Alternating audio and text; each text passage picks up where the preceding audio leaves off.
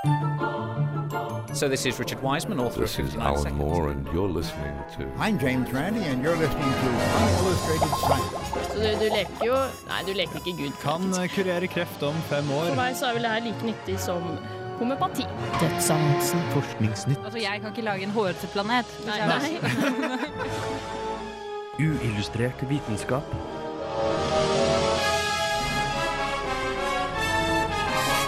Science, it works, bitches. Er du smartere enn en Gløshaugen student?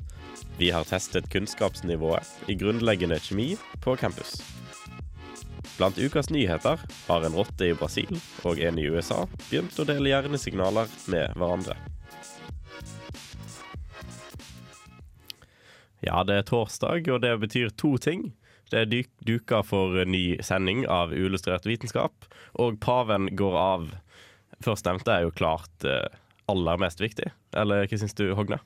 Jo, jeg syns det er viktigst, ja. Ja. Eh, Sånt religiøst eh, skal, skal ikke vi være så opptatt av her i Uillustrert. Nei, vi kan ikke det. I studio i dag så er, har vi Hogne Jørgensen, Ja, som, som vanlig nå etter hvert. Jeg heter Rune Stana. Vi har òg med oss Ole Eivind Sigrud. Han er i hvert fall som vanlig, siden de siste par årene. Vi har veldig mye spennende på tapeten i dag. Eh, aller først ut så skal vi eh, få en liten fun fact før vi dykker ned i eh, de mer spennende sakene som vi introduserte til dere.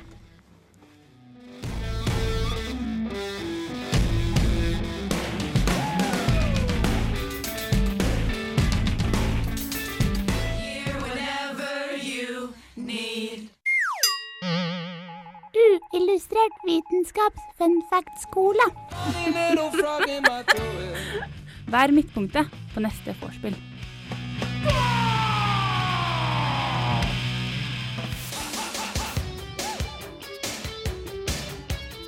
Visste du at dersom et helikopter mister motorkraften i lufta, kan det fortsatt fly ned til bakken og lande helt uten problemer?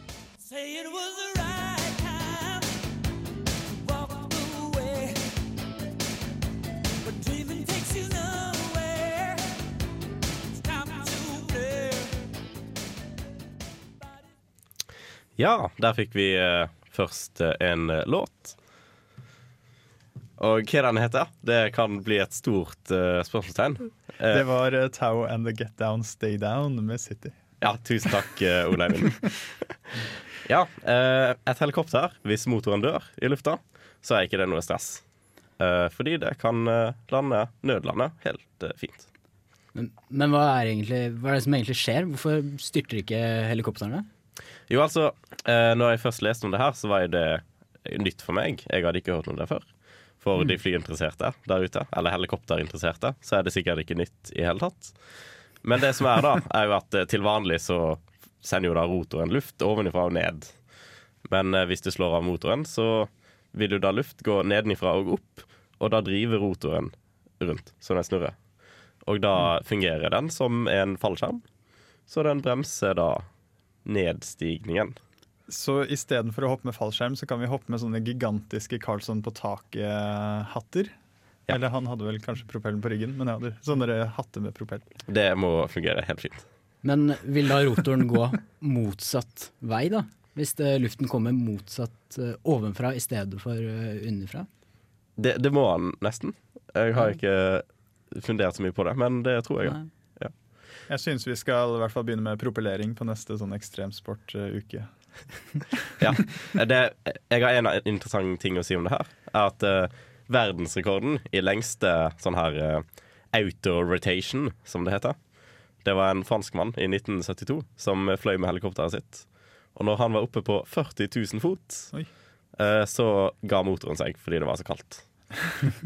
Så da glei han da ned igjen til bakken i helikopteret sitt. Og det gikk helt fint. Yes. Ganske fantastisk. Så alle helikoptre som lages nå eh, i dag, de må testes for at de klarer det her. Og det er tydeligvis en vanlig ting.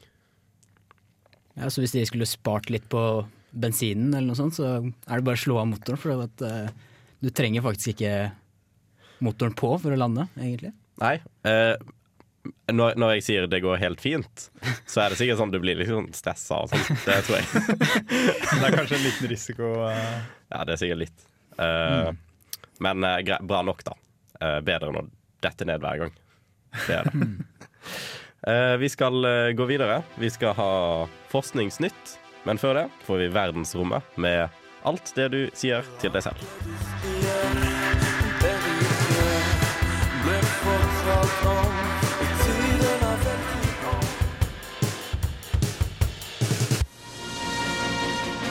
Uillustrert vitenskap presenterer Forskningsnytt.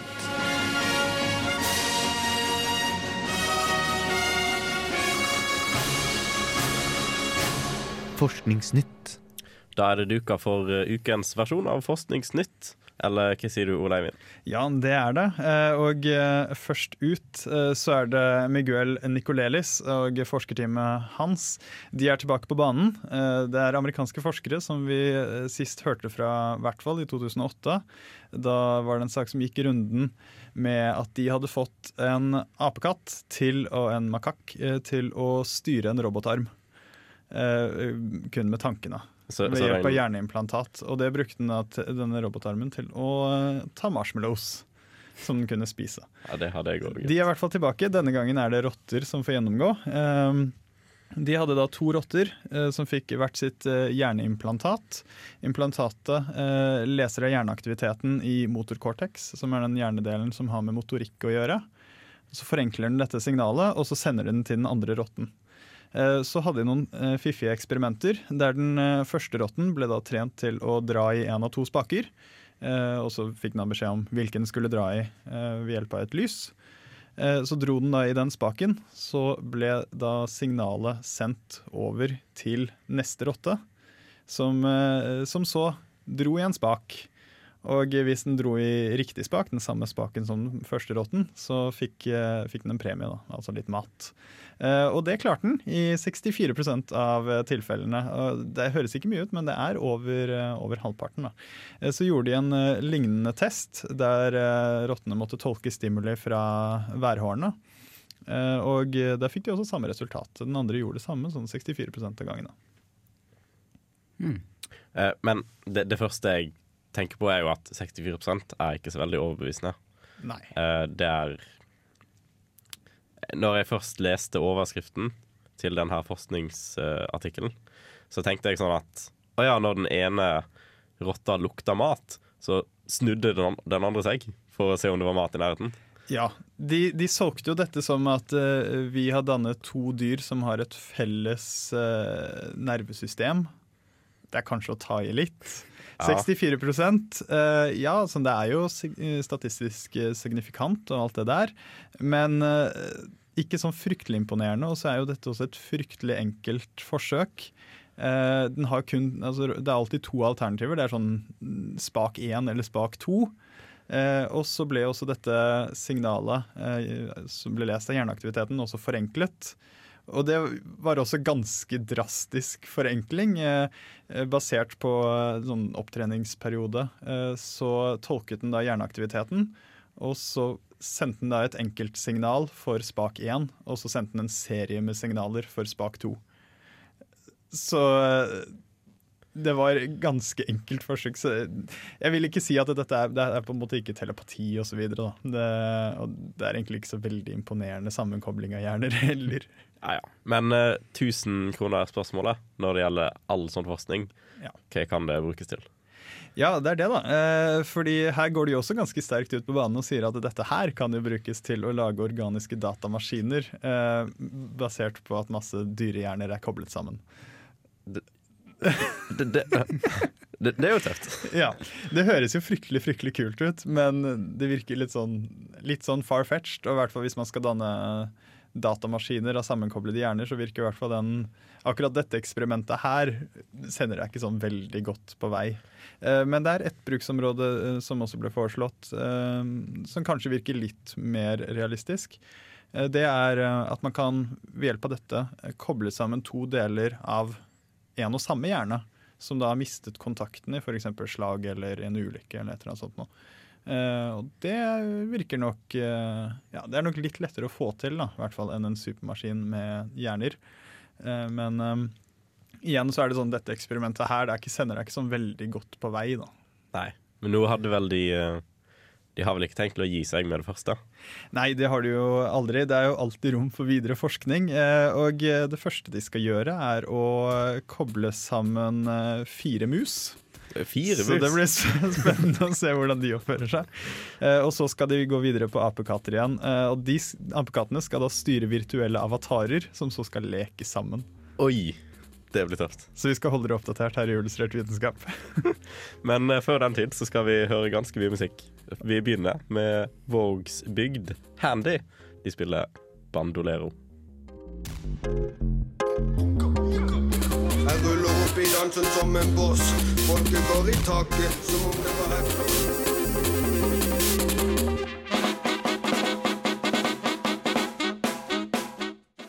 can wire anything directly into anything. I'm the professor. Uillustrert vitenskap. Ja, organiske superdatamaskiner er ikke det eneste nytt som har skjedd i forskningsverdenen denne uka. Nei, til tross for at organiske superdatamaskiner ennå ikke har skjedd. Eh, Men eh, jeg fant også en eh, forskningsnyhet om kviser. Det er jo noe som angår svært mange av oss en eller annen gang i livet. 80% er det vel som har det en eller annen gang i livet. Eh, og man vet faktisk ikke helt hva som forårsaker eh, kviser. Det er eh, ikke sånn fryktelig kontroversielt å si at det er bakterier. Det er mye forskning som tyder på at bakterien propionibacterium acnes er på en måte synderen her, da, som står bak kvisene. Men eh, samtidig så vet man fortsatt ikke helt hvilken rolle den bakterien spiller.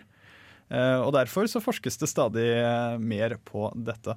Eh, og Det var jo da et nytt forskerteam som fant ut nå at det er en del typer av denne bakterien. Det finnes jo forskjellige, mange forskjellige typer strands, som det heter, av denne bakterien. Og en god del typer de fører antagelig til kviser, men de, de fant en utgave som motvirker kviser. Oi.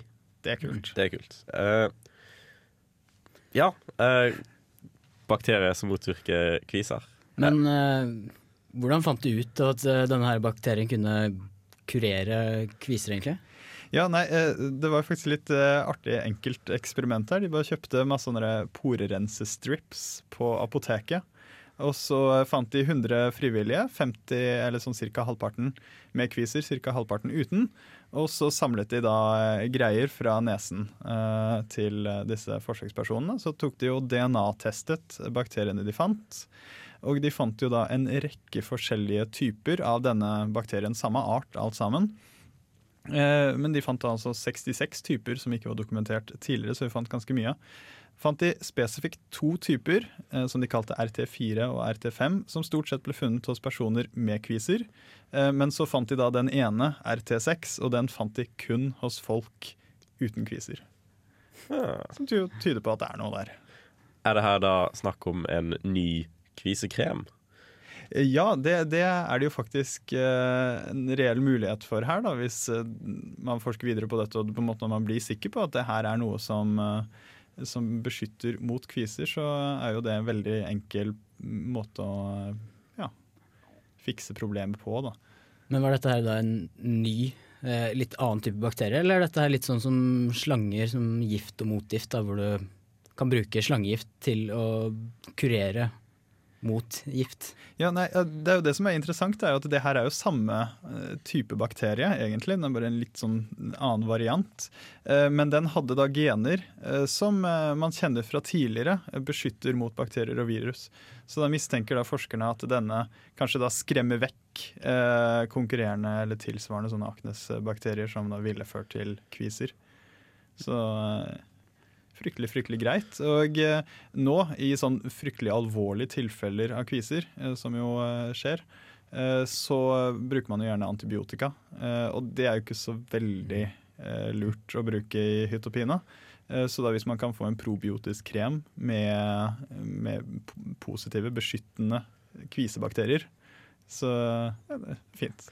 Men vet man at det faktisk fungerer, eller om det bare Det kan jo bare være en korrelasjon mellom eh, dette her, da. Ja, nei, det er det at den inneholder de genene som, som forskerne mener at det da kan faktisk ha en beskyttende effekt. Men hittil så er det jo bare korrelasjon, og den viser jo fortsatt ikke hvorfor enkelte personer har denne bakterien og andre har andre typer bakterier.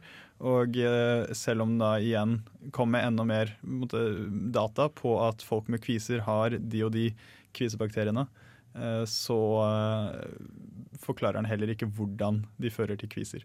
Så mer forskning trengs, da, som alltid. Så jeg burde ikke bare løpe og kjøpe helt ennå? Eh, Nei, det er nok ikke ute på markedet heller. Nei. Eh, Vi kan jo håpe, da, de av oss som fortsatt trenger slikt. Kviser er jo et tema der det er veldig mye rykter ute og går. Ja, eh, det er det jo. Eh, Jeg har jo eh, gjentatte ganger hørt eh, spesielt at kom, sånn kosthold har noe å si. Spiser du mye godteri eller potetgull eller noe sånt, så får du mye kviser. Ja, jeg, har, jeg har en venn som sier det at uh, hvis kroppen din har det ubehagelig, så får du, får du kviser.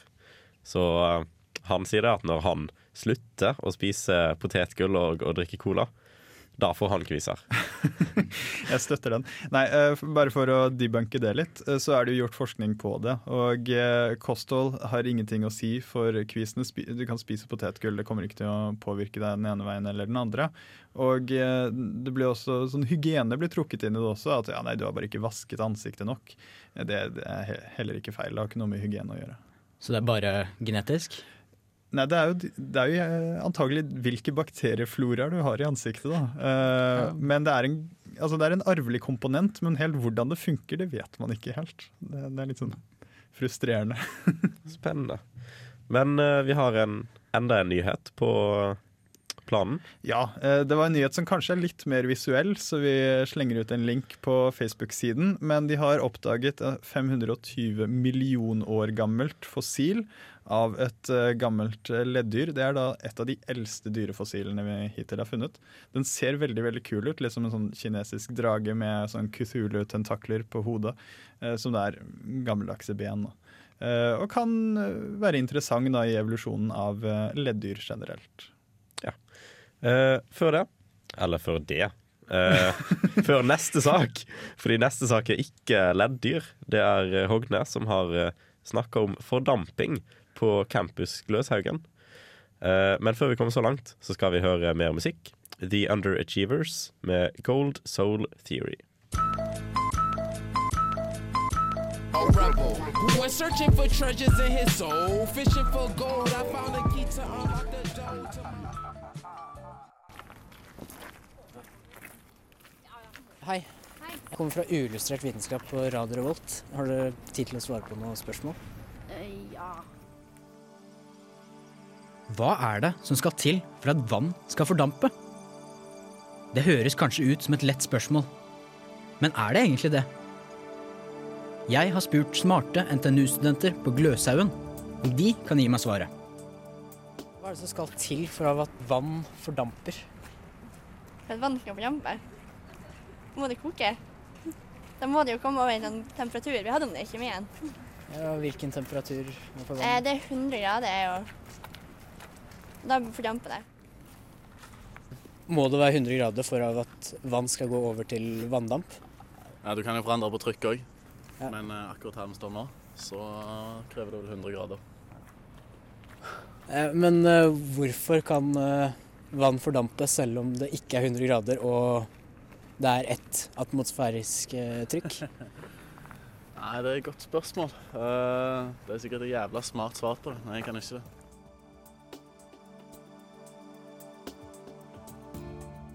Både trykk og temperatur innvirker på hva som er kokepunktet for vann. Det er faktisk slik at på Mount Everest vil vann koke ved kun 71 grader. Hvis trykket hadde vært 50 ganger lavere, ville faktisk vann kunne koke i romtemperatur. Men slik er det ikke, så det må være en annen forklaring på hvorfor vann kan fordampe i romtemperatur. Hva er det som skal til for at eh, vann skal fordampe? Ja, faktisk det det vanskelige spørsmålet. Det første jeg tenker er selvfølgelig temperatur, høy temperatur, men Ja. eh, det er ikke nødvendig. Nei.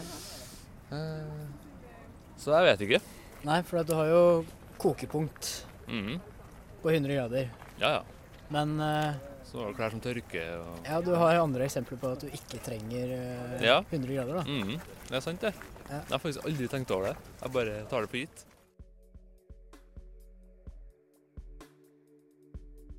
Hvis man går ned på atomnivå, er egentlig temperatur et mål på hvor fort atomer og molekyler beveger seg. Når f.eks. vannmolekyler mottar energi, vil de begynne å bevege seg raskere. Og man vil oppleve at temperaturen i vannet stiger. For at vann skal kunne fordampe, må hvert enkelt molekyl bevege seg så fort at det kan frigjøre seg fra væsken og gå over i gassform. Dette krever energi. Men temperatur er bare et mål på gjennomsnittlig energi i vannmolekylene. Derfor vil man på overflaten finne noen vannmolekyler med høy nok fart til å frigjøre seg fra væsken, selv om gjennomsnittet ikke er høyt nok.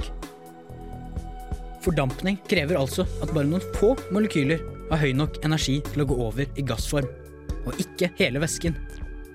Det er derfor dette kan skje, selv om temperaturen er under kokepunktet for væsken. Ja, var du eh, imponert over svarene du fikk fra Gløshaugen? Um, det var jo egentlig Nå har jeg valgt ut ehm, litt folk som har svart feil, da. Eh, fordi det passet best i denne saken. Eh, men eh, det var noen som kunne svare, eller had, var inne på det, da. Så eh, nei, de er smarte på Gløshaugen. Det er ikke meningen å rakke ned på folk på Gløshaugen, altså. Nei, vi er vel blant de sjøl, så.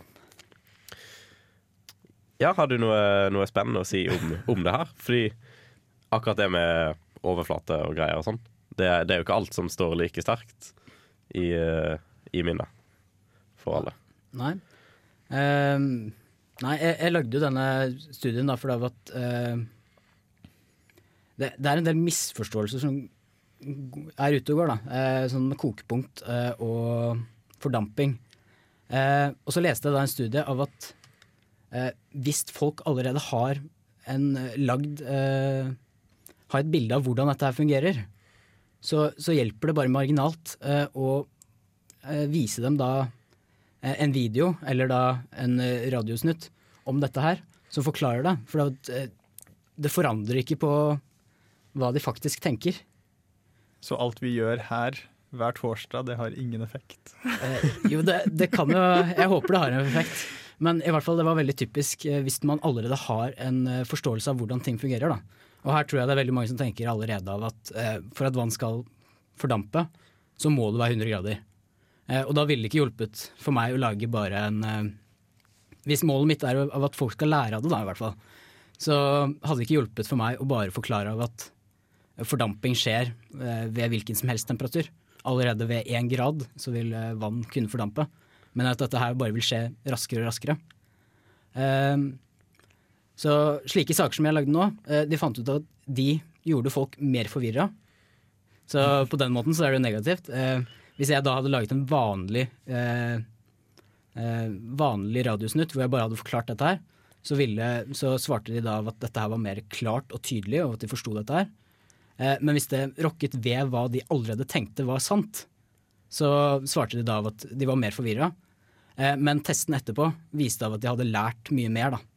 Så, så av det her eh, eksperimentet ditt, så lærer vi da mer om eh, Hvis vi da har tatt feil på forhånd, eh, enn hvis du bare hadde fortalt eh, hva som er rett.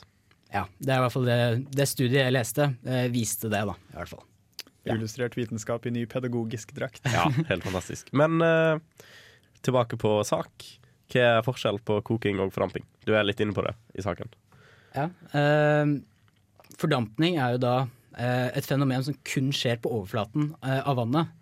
Eh, og derfor så kan dette her skje ved hvilken som helst temperatur. Eller vannet må da sannsynligvis ikke være is. Da, da, da kan det være Det kan skje en, skje en sublimasjon, men eh, ja, som jeg ikke trenger å gå så veldig mye mer inn på her. Ja, fordi det går helt fint å henge ut kles, klesvasken om vinteren. Ja, eh, så lenge ikke vannet er is, så lenge vannet er over én grad, så kan dette skje. Eh, og det er jo fordi av at eh, temperatur er jo bare et mål på gjennomsnitt, eh, gjennomsnittsenergien av disse vannmolekylene. Eh, og dermed så vil man på overflaten finne noen som har høy nok energi, som da tilsvarer av at de burde være gass. Eh, og derfor så skjer det da en fordampning.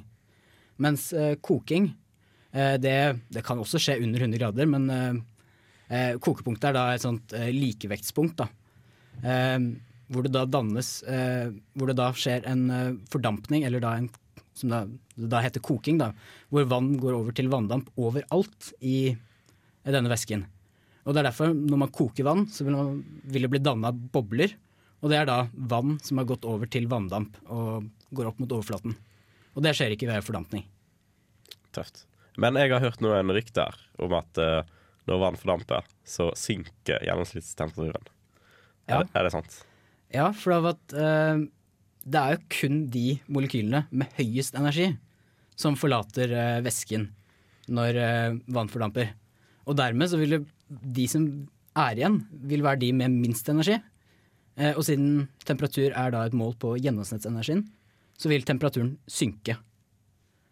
Tøft. Eh, og jeg har noen litt sånn kule eksempler, da, sånn eh, hverdagseksempler.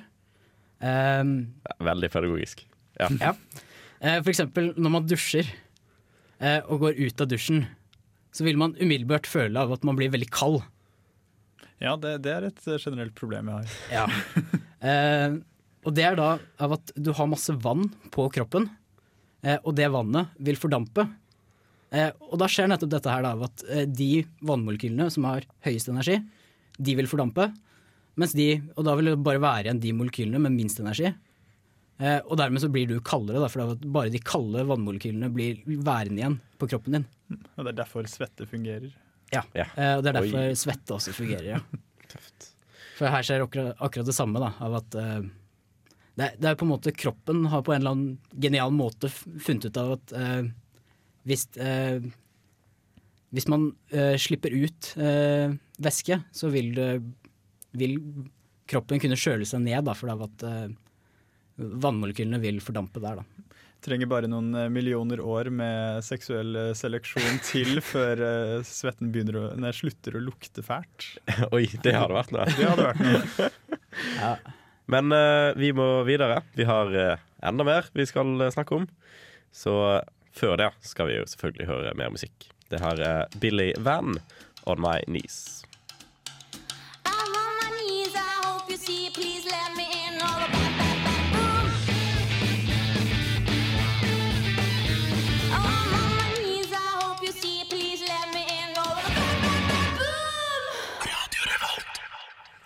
Da har vi beveget oss eh, litt over i eh, avdelingen for generell synsing.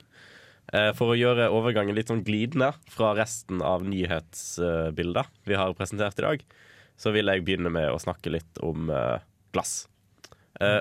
For våre faste lyttere så husker dere nok at vi snakka om glassmetall for noen uker tilbake. Og nå har det da kommet et lite Jeg vil ikke kalle det kanskje gjennombrudd. I hvert fall et lite eh, resultat. Noen som har forska på glassmetall. Det er dessverre ikke folk på NTNU, det hadde jo vært ganske moro. Men det er jo da folk fra Yale i USA.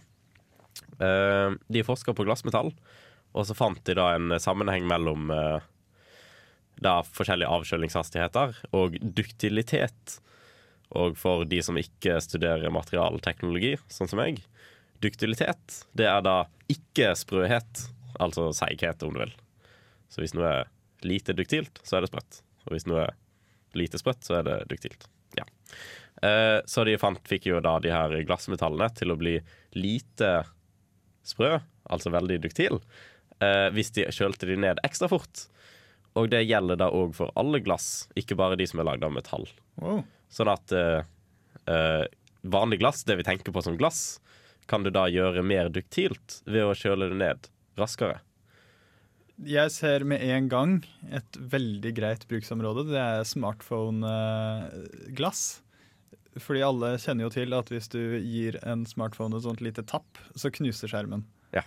Det er et kjent problem. Det hadde vært veldig greit å få, få en eh, ikke-sprø skjerm. Ja. Eh, Det som er på en måte litt sånn eh, gjennombrudd, om du vil, med det her, er jo at eh, den tidligere oppfatningen av glass er at det er bare den kjemiske sammensetningen som eh, har en effekt på duktiliteten til materialet. Men eh, det er visst eh, ikke sånn det fungerer. Det er òg nedkjølingshastighet er viktig. Så det syns jeg var tøft. Men det var kanskje bare meg. Nei, det var ganske kult. Ja, det var. Eh, jo, ha, har du noe å synes om? Eh, Jeg? Ja. eh, det har jeg jo. Vi, vi snakket jo om eh, asteroider og kometer og diverse eh, sist sending, og dagen etter så kom det jo en meteoritt, en ganske svær en, eh, i Russland. Totalt uforutsett. Ja, eh, og det, det på en måte Vi, vi nevnte jo at altså, det er ikke noe å være redd for. Vi trenger ikke være bekymret, men det kommer til å skje, og det, kom, det, det skjedde jo da dagen etter. Da. Det, jeg syns det var, var god timing, eh, men eh, på en måte det burde få ekstra mye oppmerksomhet eh, på det å eh, prøve å forebygge. Da. Men nå ikke, ikke bare eh, kom denne meteoritten ned i eh, Sibir. Men eh, nå ser det jo ganske greit ut til at eh, det kommer en komet som krasjer inn i Mars i 2014. Dette er jo absolutt ikke noe som er fare for oss, men det kan potensielt bli veldig, veldig, veldig kult. Um, Men Ja. kan, jeg si en ting? Eh, det er litt sånn fare for han typen oppe på Mars. Han Curiosity. ja, altså Hvis han treffer han, det hadde sugd. Ja. Jeg liker jo Curiosity, men uh, hvis vi får sett en 50 km stor komet suse inn i Mars, så tror jeg det er verdt det, altså.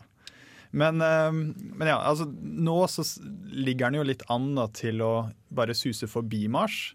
Så følte jeg at Mars kommer antagelig til å bli truffet av litt sånn is og sånn fra den komethalen. Men eh, det blir antagelig ikke en full on treff. Men eh, kometer de forandrer jo bane litt, og det er vanskelig å forutsi sånn ja, 20 måneder fremover i tid. Eh, Så det kan jo bli en fulltreffer. Og denne kometen er svær. Eh, Det er sånn, den er minst 15 km bred, kanskje 50. Er, Det, er det sånn eh, dinosaurutslettende størrelse? jeg ville jo tro det, det men eh, jeg har ikke helt eh, satt meg inn i akkurat hvordan dinosaurkometstørrelsen eh, var. Men eh, jeg skulle tro det ville vært ganske katastrofalt hvis vi ble truffet av en slik. i hvert fall. Jo, eh, du slenger om deg med begreper som meteor og meteoritt og komet. Ja. Kan du gi en rask forklaring? Ja, En komet er stort sett sånn isball, hvis jeg har forstått det rett, som eh, går i en ganske sånn fast bane rundt solen. Eh, Men innimellom så kan jo den krasje i oss, da, eller suse forbi. Eh, Men så har du jo det, det som gjerne blir forvekslet, er jo da meteor, meteoritt og Er det meteorid? Meteorid, ja. Eh, En meteoritt er en sånn sten når den først har truffet bakken. Eh, mens når den, før den traff bakken, men var i atmosfæren vår, så var det en meteor. Så eksempel stjerneskudd de brenner jo opp i atmosfæren. En meteor. Eh, er den stor nok til å treffe bakken, så blir det plutselig en meteoritt. Og meteoride er sånn ting som bare suser rundt omkring i verdensrom. Så meteoritter og meteorer før de gikk inn i atmosfæren, var meteorider. Så det skal ikke være greit. Nei, det skal ikke være greit. Eh, vi skal synes litt mer, men eh, først skal vi høre litt musikk.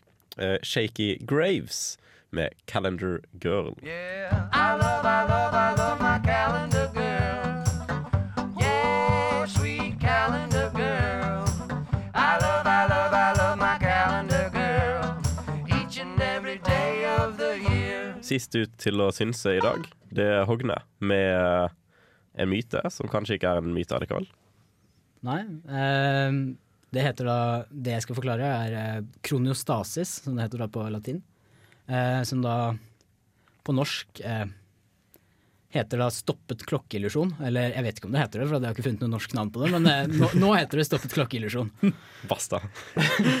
ja, eh, og det er da av at eh, eh, dette fenomenet da er veldig typisk når man ser på klokka. Du har kanskje opplevd av at eh, når du f.eks. sitter i forelesning eller noe sånt, eh, da må du ha en klokke med en sekundviser. Da. Eh, men hver gang du ser på klokka, så føles det første sekundet veldig sakte. Eh, og at det tar lenger enn ett sekund. da. Ja, ja. jeg tror jeg opplevde det. Ja, og det, det er faktisk sant. Det første sekundet opp- er faktisk eh, lenger. Eh, Men det er lenger, eller det Nei, oppleves nei det, det, lenger? det oppleves lenger. Det er ikke, klokka tuller ikke med deg, det er hjernen din som uh, tuller med deg. da. Som tuller med, ja. Ja. Eh, og det da gjør, er at eh, eh, hver gang du flytter på blikket ditt veldig fort, så vil hjernen din fjerne all den uskarpheten som er imellom, da. Eh, du kan jo da f.eks. tenke deg et videokamera, da. Eh, hvor du da ser, har videokamera ett, eh, mot et bestemt punkt, og så flytter du på det. Så vil du få en veldig stor uskarphet da, når du flytter på kamera imellom. Men dette er da hjernen vår løst. Eh, så den bytter da all den uskarpen, uskarpheten ut med det bildet du har tenkt til å se. Så man ser rett og slett det bildet man er, er i ferd med å se eh, før man ser det, da. Er, er det her noe som skjer mye? Eh, ja, det skjer veldig mye, faktisk. Eh, det skjer faktisk eh, flere hundre tusen ganger om dagen. Eh, for selv når man ser på et bestemt punkt, så har man sånne rapid eye movements eh, som man ikke merker. Eh, og dermed så ville det egentlig vært uskarpt hvis ikke hjernen hadde fikset på dette her. Så vi skal være veldig glad for at vi har det, da, for ellers hadde alt vært helt uskarpt. Men ja, jeg leste i hvert fall av at man kan miste opptil 40 minutter i løpet av en dag. For at dette skjer flere hundre tusen ganger. Eh, og hver gang det skjer, så kan, det, ja, så kan du miste opptil 0,2 sekunder. da. Oi, nå, nå, eh, nå står Ole Eivind og rister på hodet for å få, få med seg de her uh, forandringene. Ja. Jeg Så- føler ikke jeg opplever det, men uh... Ja, det er kanskje det som er poenget. Nei, men uh, det er jo da man opplever det, hvis man ser på en klokke. da. Eh, så man kan faktisk, eh, hvis man er maksimalt heldig, så kan man oppleve at det første sekundet er egentlig er 1,2 sekunder, da, og ikke bare ett sekund. Så det er ikke store forskjellen, men uh, siden det skjer flere hundre tusen ganger om dagen, så, ja, så er det faktisk over 40 minutter av dagen din. Tøft. Da har vi innført Hva, hva var det navnet vi fant på? Stoppet klokkeillusjon. Stoppet klokkeillusjon. Ja. Men vi begynner å gå veldig tom for tid. uh, så vi skal høre mer musikk. 'Shining', I Won't Forget.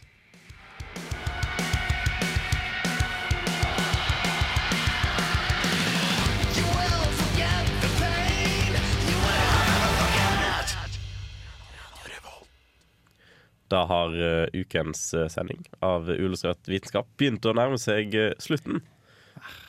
Så her i studio i dag så har vi vært Ole Eivind Sigrud ja, takk for meg. og Hogne Jørgensen. Ja, takk for meg. Og jeg har vært, og fortsatt er, Rune Stana. Hvis du vil ha en oppsummering av dagens sending, så kan du høre vår podkast på iTunes. Den heter Uillustrert vitenskap. Eh, eller så kan du høre oss på Stream on demand, eller Radioarkivet, som det heter. På dusken.no skråstrek radio. Ja, For vi er jo på dusken.no nå. Ja, det er da alle studentmediene samla i ett. Og det er ganske tøft. Det er ganske tøft. Eh, lik oss på Facebook. Vi heter Illustrert vitenskap der òg. Ganske fantastisk. Eh, det var vel det. Vi høres eh, neste uke.